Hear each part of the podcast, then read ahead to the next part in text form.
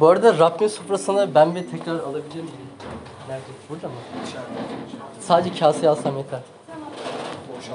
Sadece sadece kase. Aynen. O zaman tekrardan hepiniz hoş geldiniz. Ben bugün aslında bir ayetle başlamak istiyorum. Fakat bu ayet eski antlaşmadan eee, olacak. Dağıtılıyor mu?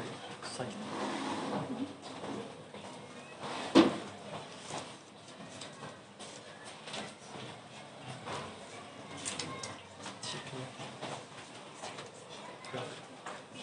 Şu şimdilik burada kalsın.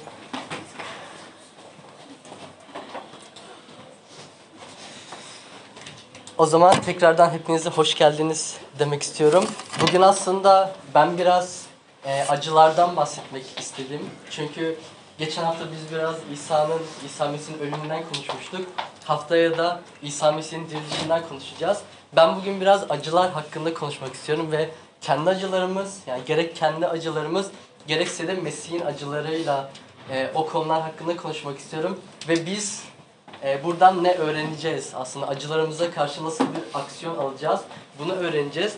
Ama ben öncelikle yani acı konusuna değinmeden önce bir ayetle başlamak istiyorum. E, Yaşaya 51'de şöyle diyor 17. ayet. Uyan ey Yeruşalim uyan kalk ayağa. Sen ki Rabbin gazap kasesini onun elinden içtin. Tamamını içtin sersemleten kasenin şeklinde. Aslında kutsal kitaba baktığımızda gazap ve acı bizim karşımıza bir kase olarak çıkıyor. Aslında Tanrı'nın gazap kasesi ve içilen bir ka- kase. Eski Antlaşma'ya baktığımızda çok farklı yerlerde bu referansları görebiliyoruz. Acı ve gazap Tanrı'nın kasesi olarak çıkıyor. Bugün de aslında bu e, kaseden biraz bahsedeceğiz. Özellikle İsa Mesih'in aldığı o kaseden bahsedeceğiz. Zaten bugün tek ayetten gideceğiz. Luka 22-42 İsa Mesih'in e, doğasını hep birlikte öğreneceğiz ve oradan bir sonuç çıkaracağız. Fakat ben öncesinde acılarla ilgili tarihsel olarak bazı şeylere değinmek istiyorum.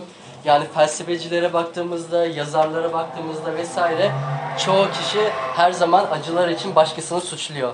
Mesela Marksistlere bakıyoruz, işte zengin insanları suçluyorlar. İşte zenginlere bakıyoruz, fakir insanları suçluyorlar. Ya da işte dindarlara bakıyoruz, işte kafir olanları vesaire suçluyorlar. Onun yani ondan ziyade ateistlere bakıyoruz. Genelde dindar kişilerin acılara sebep olduğunu düşünüyorlar. Yani genel olarak baktığımızda yani herkes acılar için bir başkasını suçluyor. Örneğin Nietzsche'de hatta kafayı biraz İsa Mesih'le işte bulmuştu. Sürekli İsa Mesih'le ilgili bir şeyler diyordu. Bu arada hazır Nietzsche demişken Nietzsche'nin de acılarla ilgili şöyle bir eee argümanı var. Nietzsche'ye göre üstün insan olma yolunda acılar bir tecrübe. Ve aslında insan zorunlu olarak acı çekmeli. Acıları bağışıklık olarak alırsa e, beslenecek ve üstün insan olma yoluna gidecek. E, şimdi asıl konumuza dönersek bunu bir parantez olarak açtım. Herkes birilerini suçladık, suçladı dedik. Yani Marksistler, işte feodal beyler, köylüleri vesaire herkes birilerini suçladı. Ama yine bir yazar var. Aslında bir yazar diyebiliriz. Suçlar için kendisini suçluyor. Bunu çoğunuz biliyordur muhtemelen. Kendisi Sibirya'da sürgüne gitti. Ee, yani hapishane hayatı yaşadı. Sara hastasıydı. Evet. Dostoyevski? Aynen. Mesela işte dediğim gibi bir sarı hastasıydı. Sürekli sarı atakları geçiriyordu. Onun dışında Sibirya'da sürgüne gitti. Parasız kaldı. Kumarda bütün parasını kaybetti. Ama gariptir ki acı için o hep kendini suçlayan oldu. Örneğin e, Yer Altından Notlar kitabını okuduğumuzda hep daima kendisini suçlu olarak görüyor. Bu arada Dostoyevski'den bahsediyorsak acıyı yani acıyla ilgili ne diyor o konuya biraz değinmek istiyorum. E, Yer Altından Notlar kitabında şunu görüyoruz. Dostoyevski diyor ki acıda hazların en tatlısı saklıdır. Hele de insan kendisi için bir çarenin kalmadığını derinden anlamışsa. Yani burada şey görüyoruz. Aslında birazdan bunu size sormak istiyorum. Burada Dostoyevski diyor ki eğer acı çekiyorsanız ve yapacak hiçbir şeyiniz yoksa artık bu acıdan işte zevk almaya başlarsınız, haz almaya başlarsınız. O acıyı yavaş yavaş seversiniz. Bunu Dostoyevski söylediği için sormuyorum ama size bu soruyu sormak istiyorum. Sizce acılar bize işte zevk verir mi, bize haz katar mı, hatta dünyanın en tatlı duygusu gibi gelir mi? Biraz onu size sormak istiyorum. Sizce bu çok felsefik bir görüş mü yoksa aptalca bir işte sesleniş mi? Yine dediğim gibi Dostoyevski'den onu bir unutun. Sadece bu konuya odaklayın. Acı sizin için mutluluk verir mi? Size e, sevinç verir mi? Var mı bir cevabı ona? Evet ya da hayır. Hayır ama olgunlaştırır. Evet. Anlam. Tamam.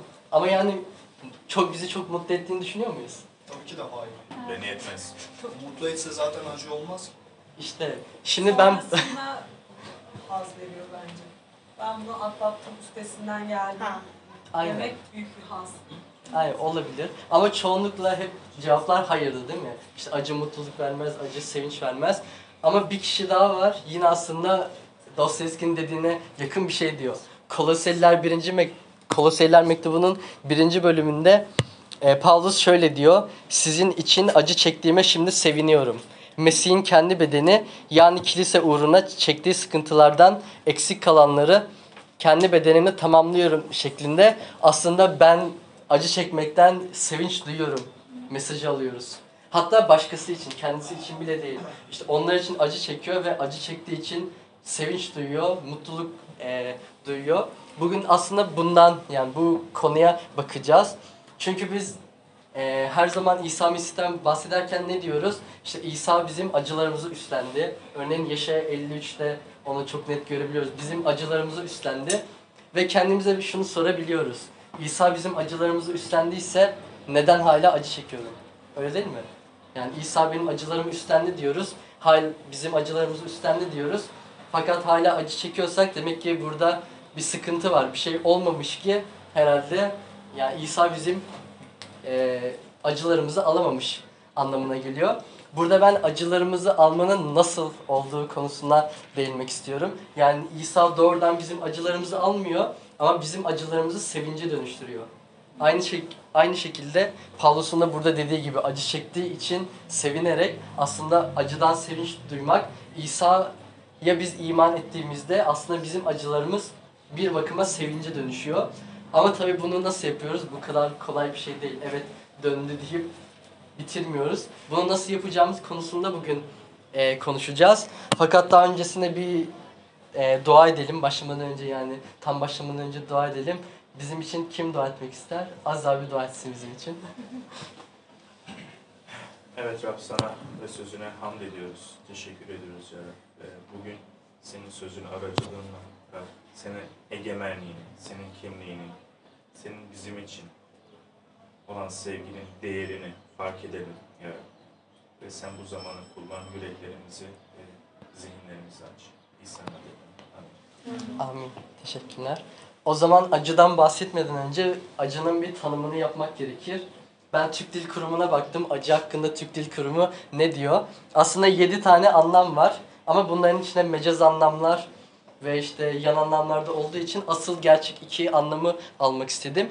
Türk Dil Kurumu'na göre birinci e, acının anlamı yakıcı duyu demek. Yani örneğin parmağımız kırıldığında işte elimiz ya da kolumuz bacağımız kırıldığında bir şey olduğunda o bize yakıcı bir duyu oluyor ve bunun anlamı acı. İkinci bir e, anlam var yine Türk Dil Kurumu'nda. O da şöyle keder, elem ve üzüntü anlamına gelen duygu. Ona da şöyle bir örnek verebiliriz. Mesela kalbim kırıldı. Bu da aslında bir acıdır. E, hatta bunu geçen gün yani biriyle konuşuyordum. Bu iki tür acı hangisi daha baskın gelir? Yani elimin parmağımın kırılması mı daha baskın üstün bir acıdır? Yoksa kalbimin kırılması mı daha baskın yani üstün bir acıdır? Hatta ben bir arkadaşıma sormuştum. Şimdi size de sorayım. Sizce parmağınızın kırılması mı yoksa kalbinizin kırılması mı daha büyük bir acıdır? Topluluktan cevap. Parmağın kırılması. Bir parmağımın kırılması geldi. Başka? Duygusal daha Duygusal geldi. Aynen. Onarılması da uzun. Kesinlikle. Ben aslında bunu yani karşılaştırmasını evet yapmak istedim. Sadece ne cevap vereceğinizi merak ettim. Çünkü birazdan bir adam hakkında konuşacağım ve bu adam bu her iki duyguyu da yani her iki acı tanımında çok en üstün seviyede yaşamış biri. Ve hepiniz ya da çoğunuz bunun kim olduğunu biliyordur. Kimdir? İsa Mesih. İsa Mesih'tir. Yani hem duygusal olarak hem de gerçekten yani duyu olarak yakıcı duyu anlamındaki acıyı çok net bir şekilde ve çok baskın bir şekilde e, yaşamıştır. Ve İsa aslında o acıları çekeceğini biliyordu. Örneğin biz bir insan düşünebiliriz. İşte idam edilecek. Türkiye'de çok yaygın eskiden 1980'lerde falan işte idamlar ya 60-80 döneminde idama gidecek bir insan düşünelim. O nasıl bir duygu içinde olur? Muhtemelen çok korkacaktır. Hatta titir, titreyecektir çünkü birazdan gidip asılacak ve ölecek. Çok korku içinde olacaktır. İşte çok fazla korkacaktır duygusal olarak işte batacaktır. Ve İsa Mesih de şunu görüyoruz biz. O daha büyük bir acıya katlan, katlanacaktı ve bunu başından beri biliyordu. Ama yine de o korkmak yerine e, her zaman Tanrı ile birlikte oldu ve her zaman ona e, dua etti. Ve İsa'nın yaşadığı duygunun aslında tarifsiz bir, şey- tarifsiz bir dehşet olduğunu biliyoruz ve görüyoruz. Ben bu tarifsiz kelimesini biraz açmak istiyorum. Yani çarmıhın, e, çarmıh eyleminin ne kadar acı verdiğini açmak istiyorum. Bunun için e, bir tane örneğim, e, şuradan aslında bu bir örnek değil, tarihi kayıtlarda biliyorsunuz Nazi subayları işte çok gaddar insanlar vesaire yani öyle biliyoruz. Nazi subayları bile çarmıh eylemi için şöyle diyor. En korkutucu ve en çok can yakan işkence aleti şeklinde Nazi subayları bile çarmıh eylemini o şekilde açıklıyor. Ya da Roma aslında yasasına baktığımızda Roma anayasasında çarmıh o kadar büyük bir eylem ki insanlar düşünmesin diye Romalı vatandaşların çarmıha gelmesi yasak. Çünkü şöyle bir şey oluyormuş. Bir insan çarmıha geleceğini düşünse bile onun düşüncesi bile çok fazla zarar veriyormuş insana. Psikolojik olarak o kadar çok zarar veriyormuş ki insanlar yani Roma Roma vatandaşları burada tabii bir ayrımcılık var. Roma vatandaşları bir kez bile düşünmesin diye değişmez bir kural. Roma vatandaşları çarmıha gerilemiyor. Tabii ki diğer insanlar yani Yahudiler vesaire gerilebiliyor. Ama bu psikolojik zarardan Roma işte devleti kendi halkını, kendi milletini, işte ulusunu kurtarmak için yasaklıyor ki Roma halkı bir kez bile bu acıyı düşünmesin, aklından geçirmesin. Aslında ne kadar büyük bir acıdan bahsediyoruz. İşte yasalarla yasaklanmış, bizim tarihte en gaddar, en acımasız olarak adlandırdığımız insanların en korkunç eee, şekilde tanımladığı acı ve ne kadar büyük bir acıdan bahsediyoruz. Ama İsa bunun yerine korkmuyor, onun yerine dua ediyor. Hatta eee, çok güzeldir bugün bakacağımız eee, İsa'nın duasına bakacağız Luka eee, 22-42'de. İsa şöyle dua ediyor, korkmaktan ziyade eee, baba senin isteğine uygunsa bu kaseyi benden uzaklaştır şeklinde eee, dua ediyor. Ve ben burada biraz aslında teolojik bir bakış açısıyla şuna bakmak istiyorum. Eee İsa bu duayı ediyorsa o zaman bir sıkıntı vardır gibi düşünen bir grup var. Çünkü zaten İsa'nın geliş amacı neydi? İşte ölmekti, çarmıha gerilmekti. Tanrı onu işte hani tasarısı için, planı için onu çarmıha gelecekti. Fakat şimdi şunu görüyoruz. İsa yani o çarmıh, bu kase yani acı benden uzaklaşsın diye dua ediyor. İşte senin için uygunsa bu kaseyi benden uzaklaştır diye dua ediyor. Ben bunun nedenini biraz sormak istiyorum ve açıklamak istiyorum. Bunu da şöyle açıklayabiliriz. Ee, üçlü birlik öğretisine göre İsa Mesih aslında hem insan, yüzde yüz insan hem de yüzde yüz Tanrıydı. O halde aslında insan formunda bu kaseden evet kaçıyor ama Tanrı formunda bu kasenin ona geleceğini biliyor. Çünkü biz e, şunu biliyoruz İsa bizden biriydi ama bizden biri gibi de değildi. Çünkü Tanrı özüne sahipti ama insan bedeninde, insan formunda bu dünyaya gelmişti. Bunu da Filipiller mektubunda görebiliyoruz. İkinci bölümde 6-8 arası şöyle diyor. Mesih Tanrı özüne sahip olduğu halde Tanrı'ya eşitliği sımsıkı saracak bir hak saymadı. Ama kul özünü alıp insan benzeyişinde doğarak ululuğu bir yana bıraktı. İnsan biçimine bürünmüş olarak ölüme, çarmıh üzerinde ölüme bile boyun eğip kendini alçattı. Yani şöyle bir aslında şey çizmenizi istiyorum kafanızda. Bir insan var yani suçsuz bir insan ve birazdan işte birazdan değil bu duayı ettiğinde yani bir süre sonra yaşanabilecek en korkunç işkence aletine gidecek ve suçsuz olduğu halde işte biz insanlar için ölecek. Burada e, dediğim gibi o bizden biri gibiydi insan formunda ama Tanrı formunda bizden biri gibi değildi. Örneğin İsa'nın hayatına baktığımızda hep ne görüyoruz? Hep insanlara yardım ediyor. İşte cinleri kovuyor, kötü ruhları kovuyor, bazı insanları diriltiyor, çok büyük mucizeler yapıyor, suyu şaraba çeviriyor. Ama İsa'nın o mütevazi hayatına baktığımızda hiçbir zaman kendi için bir şey yani ya- bir şey yapmıyor. Örneğin çölde işte susuz ve aç kalıyor oruç tuttuğunda. Ama oradaki bir kumu ya da herhangi bir şeyi kendi için ekmeğe çevirmiyor, suya çevirmiyor. Ya da aynı şekilde İsa'nın tutuklandığı zamana baktığımızda işte askerler onu tutuklamaya geliyor ve şöyle diyor. İstesem buraya 12 tümenden fazla işte melek ordusu çağırırım tarzında bir şey diyor. Ama yine aynı şekilde istemiyor. Neden? Çünkü aslında Tanrı'nın planı bu. Yani e, insanın planı yani İsa'nın insan e, halindeki planı değil Tanrı'nın planının olması için eğer Tanrı isterse bunun olmasını istiyor. Aynı şekilde Luka 22 e, bölümündeki 42. ayette de e, şöyle bitiriyor duasını. Yine de benim değil senin istedi- istediğin olsun şeklinde. Yani bu kaseyi benden uzaklaştır diyor. Ama yine de benim değil de senin istediğin olsun diye babadan bunu istiyor. Biz bunu kendi hayatlarımızda görebiliyoruz. Yani biz bazen işte küçük acılara işte parmağımızın kırılması vesaire ya da gerçekten çok büyük acılarla karşı karşıya gelebiliyoruz. Ama çoğu zaman Tanrı'yı sorguluyoruz. Ya da işte bazen işte Tanrı neden işte bunu bana yaptın ki ben ne yaptım vesaire.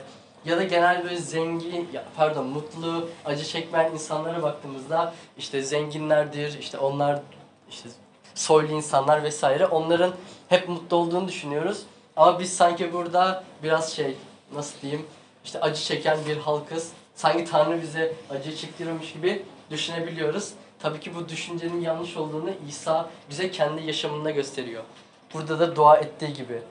Yani biz kendi acılarımızın büyük olmasından ya da küçük olmasından ziyade İsa'nın acısı, İsa'nın acıları ne kadar büyük ve işte güçlüydü ona odaklanmamız e, gerekiyor. Acı hakkında konuşurken ve acı hakkında e, yorum yaparken. Ben bu arada şunu sormak istiyorum yani İsa Mesih evet e, çarmıha gerildi, o büyük acılara katlandı. Ve İsa Mesih öldükten sonra onun hakkında bazı insanlar, genelde Yahudiler şöyle dedi. İşte adama baksana işte ne kadar aptalca bir şey, işte kendini öldürttü ya da ne kadar zayıf gözüküyor. Çarmıha baktığımızda aslında İsa'nın işte çok zayıf ve aslında biraz hani zeki olmayan bir davranışla orada olduğunu görüyoruz. Hatta teşekkürler.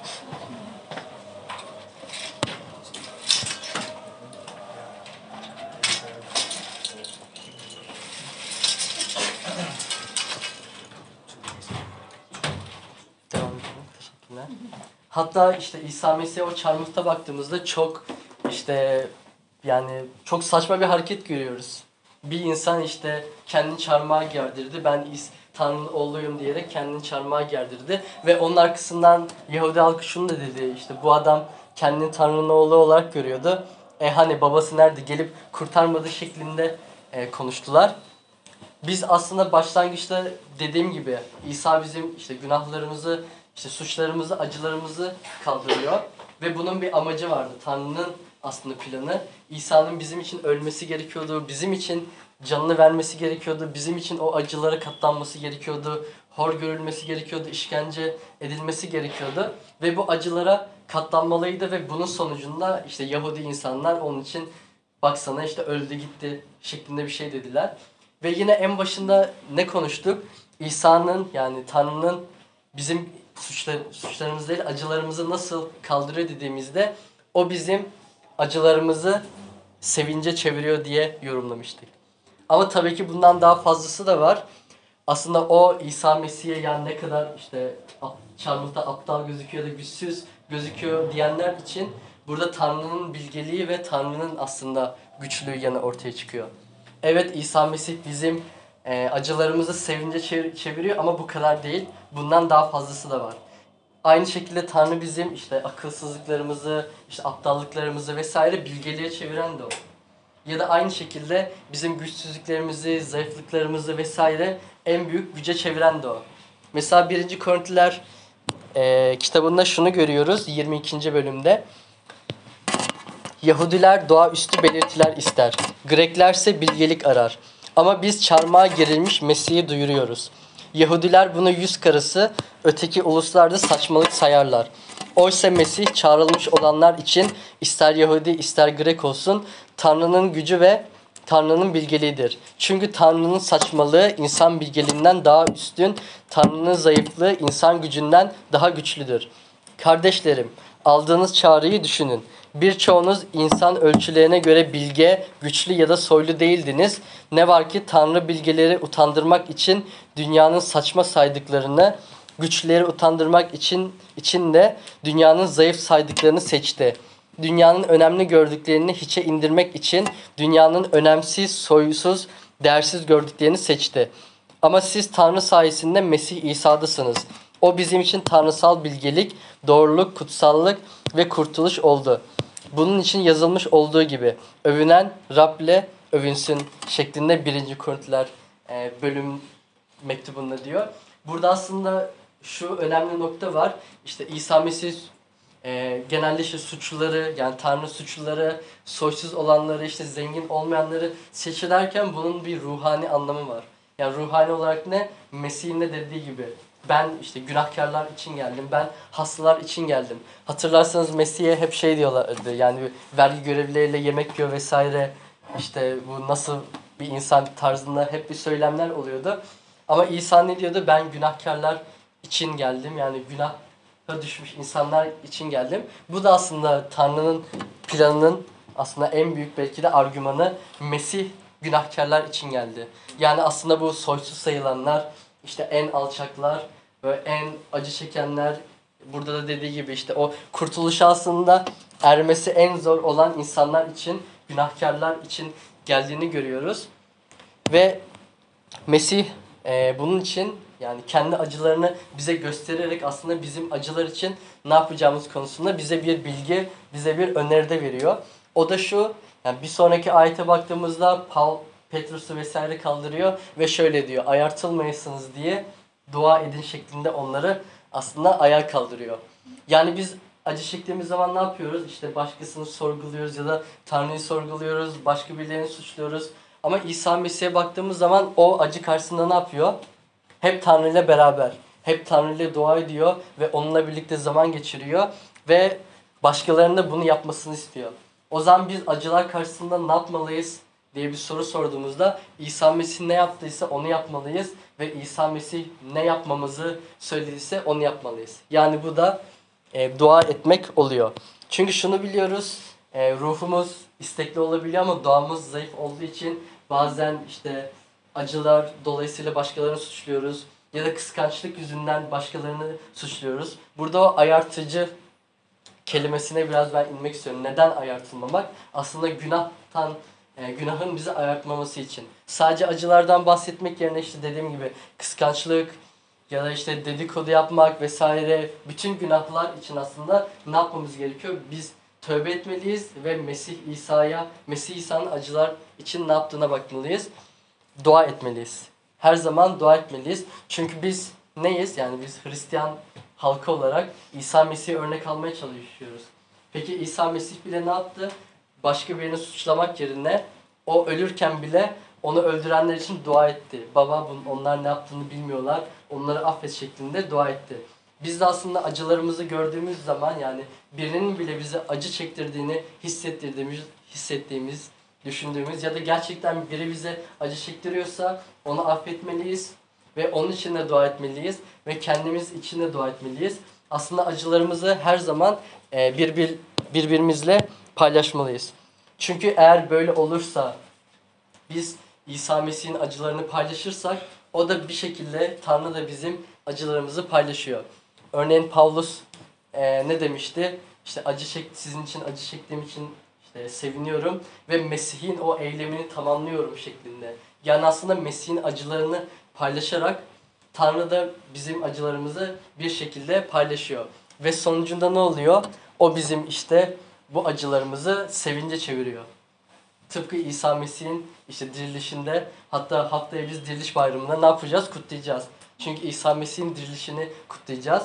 İsa bizim acılarımızı da bu şekilde aslında e, acılarımız sevince dönüşüyor. Ve eğer Tanrı'da olursak, imanla olursak, gerçekten Tanrı ile birlikte yaşarsak en akılsızlığımız, en bilgisizliğimiz, en aptallığımız bile o aslında bilgeliğe dönüşüyor. Ve en zayıflıklarımız, işte en güçsüzlüklerimiz yine Tanrı ile birlikte e, güce, Tanrı'nın gücüne erişiyor. Aslında yani bizim biraz da inancımızın en güzel yanı budur. Eğer bugün yani bir işte Müslüman bir topluluk olsaydık ben diyecektim ki işte hani acılar için o kişilere de acılar gelecektir. Hatta bunu Bakara suresinde görüyoruz. İnsanlara acı çektirenler için yani örneğin bana acı çektirenler için gazap ve acı o acı çektirenlere gidecektir şeklinde aslında on, başka bir grubu işte suçlayarak bunu yapıyoruz. Acılarımızın nasıl gideceğini görüyoruz. Aynı şekilde Budizm'e de baktığımızda mesela işte sebepler ne? Neden acı çekiyoruz? Çünkü dışarıdan düşüncelerimizi etkileyen bir şeyler var ve eğer meditasyon yaparsak, nirvana'ya ulaşırsak bu acılardan kurtulacağız.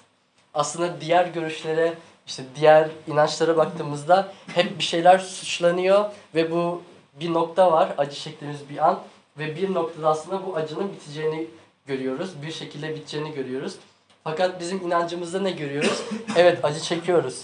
Ama bu acıyı Tanrı'nın ruhu bizde olduğu için aslında Tanrı'nın tohumları bizde olduğu için e, Tanrı ile birlikte onunla paylaşarak e, çekiyoruz.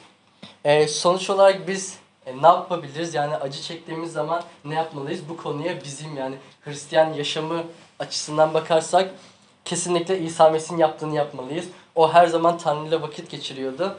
Eğer biz de onu örnek alıyorsak o şekilde. Sadece pazar günü geldim, kiliseye geldim.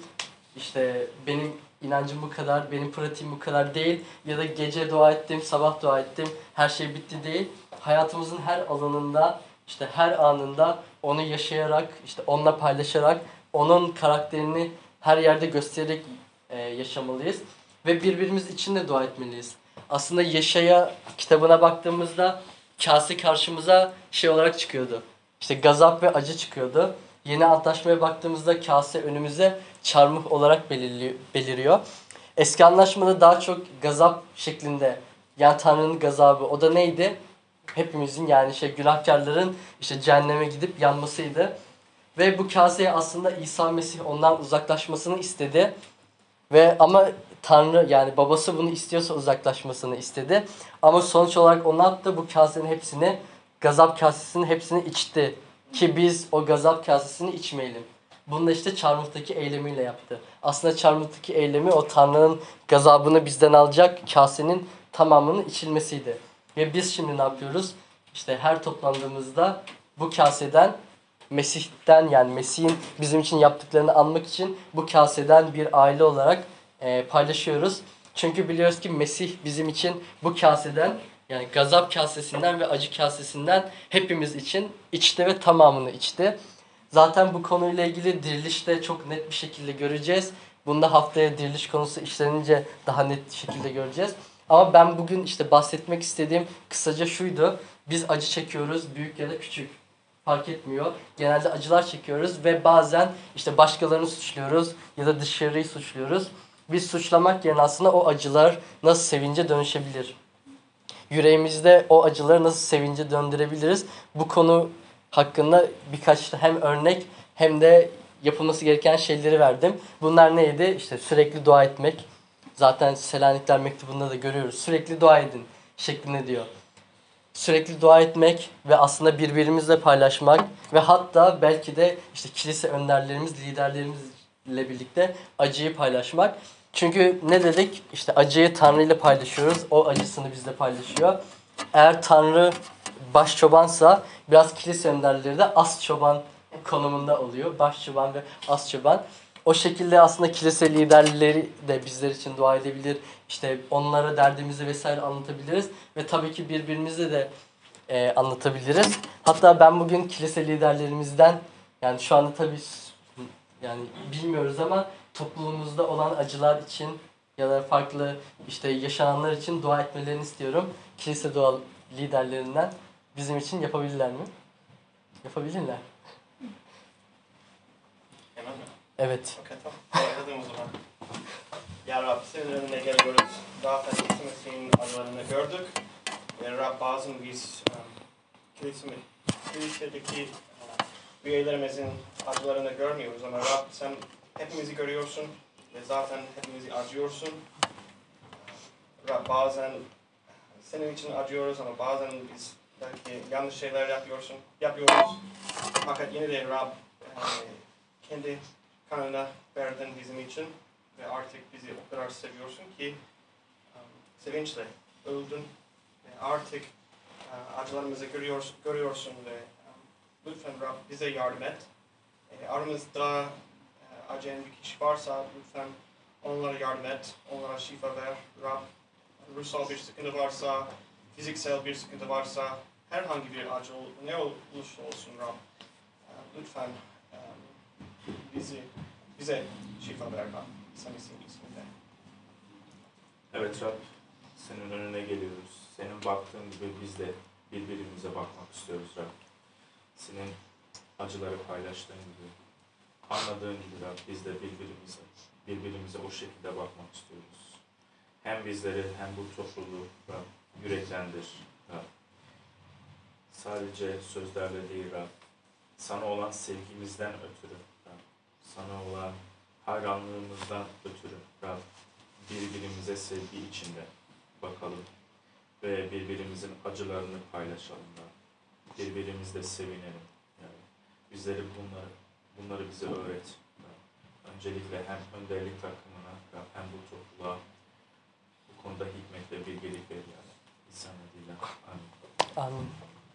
O zaman teşekkür ederiz. Bugün yani sonuç olarak benim anlatacaklarım bu kadardı. Acı karşısında İsa tarifsiz bir acıyla karşı karşıya gelecekti ama ne yaptı? Ve biz şimdi acılarla karşı karşıya gelirsek ne yapmalıyız? Aslında onun yaptığı gibi sürekli Tanrı ile vakit geçirmeliyiz. Sürekli Tan- Tanrı'ya dua etmeliyiz.